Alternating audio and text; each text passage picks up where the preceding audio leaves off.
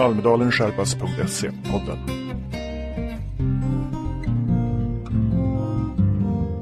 Välkomna igen. Eh, välkommen Peter Svenonius. Tack Stefan Jage. Härligt, härligt att ha dig här. Almedalen Sherpas. Almedalen Sherpas, precis. Förra avsnittet pratade vi om saker man skulle tänka på innan och eh, den här gången ska vi ta, vi kan ta rabbla en checklista helt enkelt. Mm. Det finns ju lite, eller lite, det finns ett antal olika checklistor som är viktiga och självklart ska man alltid utgå från sina egna syften, mål och eh, förutsättningar. Eh, men man kan börja med att titta på den officiella checklistan som arrangör. Eh, som, som, deltagare så var det en väldigt kort checklista. Det var att man ska boka boende i tid och man ska komma ihåg att man tar sig till Almedalen med båt eller flyg. Man kan alltså inte cykla, gå eller simma kan ja, man göra. simma kan man göra. Det kan man göra. Men det, det, mm, det går inte att um, åka med SJ Nej. till Almedalen. Det är viktigt att komma ihåg. Ja. Eh, men som arrangör så um, finns det ett antal uh, saker som man bör tänka på. Eh, då kan man titta på den officiella. Det är 25 punkter. Eh, men det är alltid från att man ska boka boende. Det är alltså, man bör vara ute i god tid. Det är, svårt att få bra boende under Almedalsveckan. Eh, det går alltid att sova någonstans men, men det är tipset att ha bra boende. Sen är det så att man måste ju tänka på um, att man måste ansöka om en del tillstånd. Om ja. man vill ha ett, en monter eller paviljong eller tält eller vad du kallar det för så, så behöver du tillstånd hos polisen. Eh, Polismyndigheten på Gotland. Polismyndigheten på Gotland när man söker om tillstånd att använda gatumark. Mm. Vill man ligga i Visby hamn med sin båt, skepp, fartyg, eh, jolle så bör man boka en kajplats. Eh, och vill man ha ett, inte i tält utan i en alltså ett riktigt hus så bör man boka en lokal. Det finns mm. väldigt många lokaler men man behöver boka dem och de, de fylls upp. Där finns det lite krav på hur tillgänglighet ska lösas eftersom det, du får inte ta betalt för ditt evenemang utan det ska vara öppet för alla eftersom det är demokratisk mötesplats så finns det en del tips och idéer kring hur man ska göra evenemangen tillgängliga. Allt ifrån handikapp, eh, funktionsnedsättningar till hör, hörsel och syn och sådana saker. Vill man demonstrera så bör man ha tillstånd för det.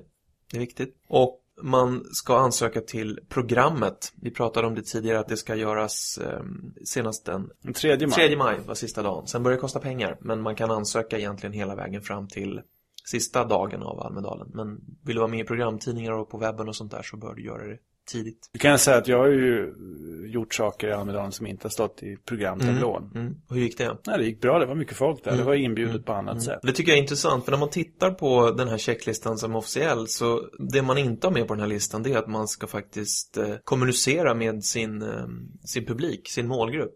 Eh, innan så att man får åhörare och deltagare att komma till ens arrangemang oavsett vad man gör. Det står inte med på den här listan. Så det skulle kanske, jag vilja... kanske rätt tror att det räcker med att vara med i programmet. Ja, precis. Det är punkt, punkt här att man ska annonsera i Almedalsprogrammet. Men jag tror att man, man behöver nog göra lite mer för det är ju så pass mycket som händer. Det är alltså eh, någonstans 900 arrangörer förra året och nästan 2000 arrangemang. Det är klart att de 17-18 000 som kommer till Almedalen, de har en del att välja på. Så är det absolut. Det blir alltså, om vi säger att det blir tusen arrangörer så blir det 17 pers då per, per uh, arrangör mm. att slåss om. Jag tror att de där 17 000 också är hela veckan mm. totalt. Jag vet att jag förut var där, jag var nere lördag till onsdag. Så att alla är nog inte där hela veckan. Det är ju väldigt lång, eh, långt evenemang, åtta dagar. Mm. Och i år så avslutar Socialdemokraterna. Mm. Vilket... Så vi kan tala för att antingen kommer folk ner sent eller så är de kvar hela veckan. Ja, precis. Det, det brukar ju vara, i mitten brukar vara bäst eh, folkmässigt. Men, men eh, jag tycker svara på frågan bäst, det beror ju på vad man har för mål. Mm. Så att, men kommunicera med dina, din publik både innan och efter ditt evenemang. Det tror jag är en, en viktigt tips jag vill skicka med. Ett annat viktigt tips det är att om man tänkte sig att servera alkohol eller spela musik så ska man söka tillstånd för det också. Mm. Det, det, är viktiga saker. Och det kan ju alltid från att det blir um, unga nykterister som går runt och försöker ta sig in och uh, skapar uppmärksamhet kring detta. Att du hade ett otillåtet evenemang.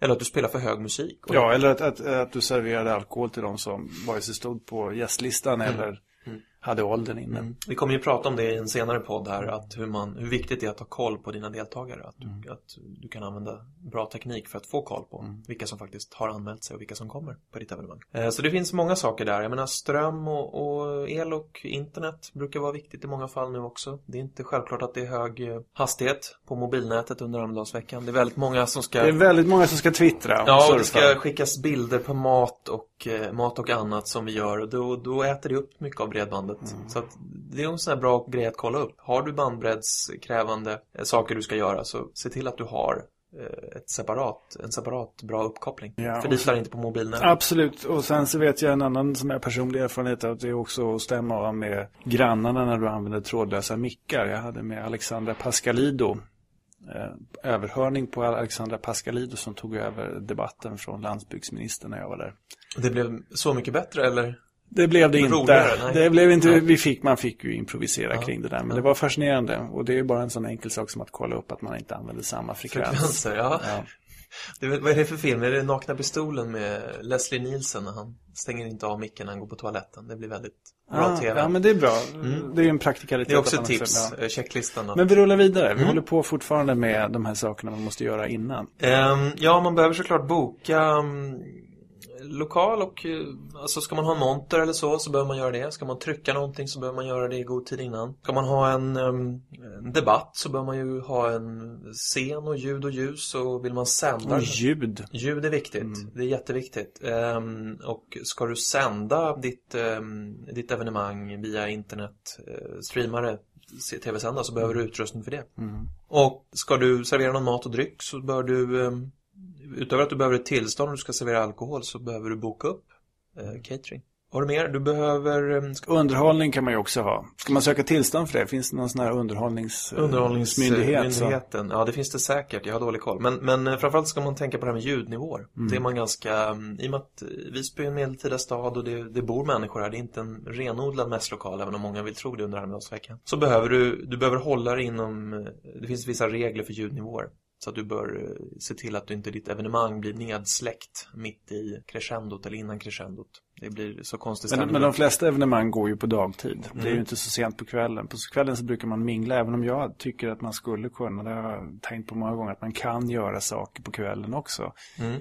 Som inte behöver vara uh, rosé Baserade? Rosébaserade med housemusik utan mm. man kan faktiskt göra smarta saker på mm. kvällen. Mm. Men det kanske vi ska göra i år. Mm. Får vi se. Mer, vi rullar på listan. Jag tror att vi har uh, gått igenom listan faktiskt. Men, men på almedalsveckan.info så finns uh, listan där man kan titta. Man kan googla efter listor och hitta bra grejer.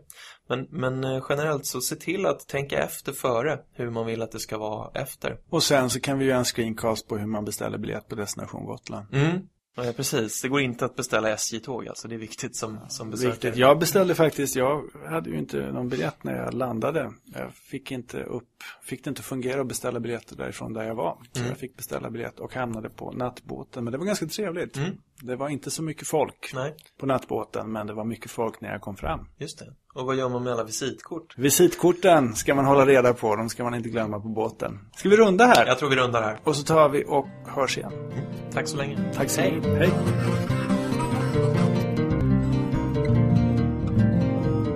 För mer information besök almedalensherpas.se eller mejla sherpas almedalensherpas.se. Almedalen Sherpas produceras av TSJE.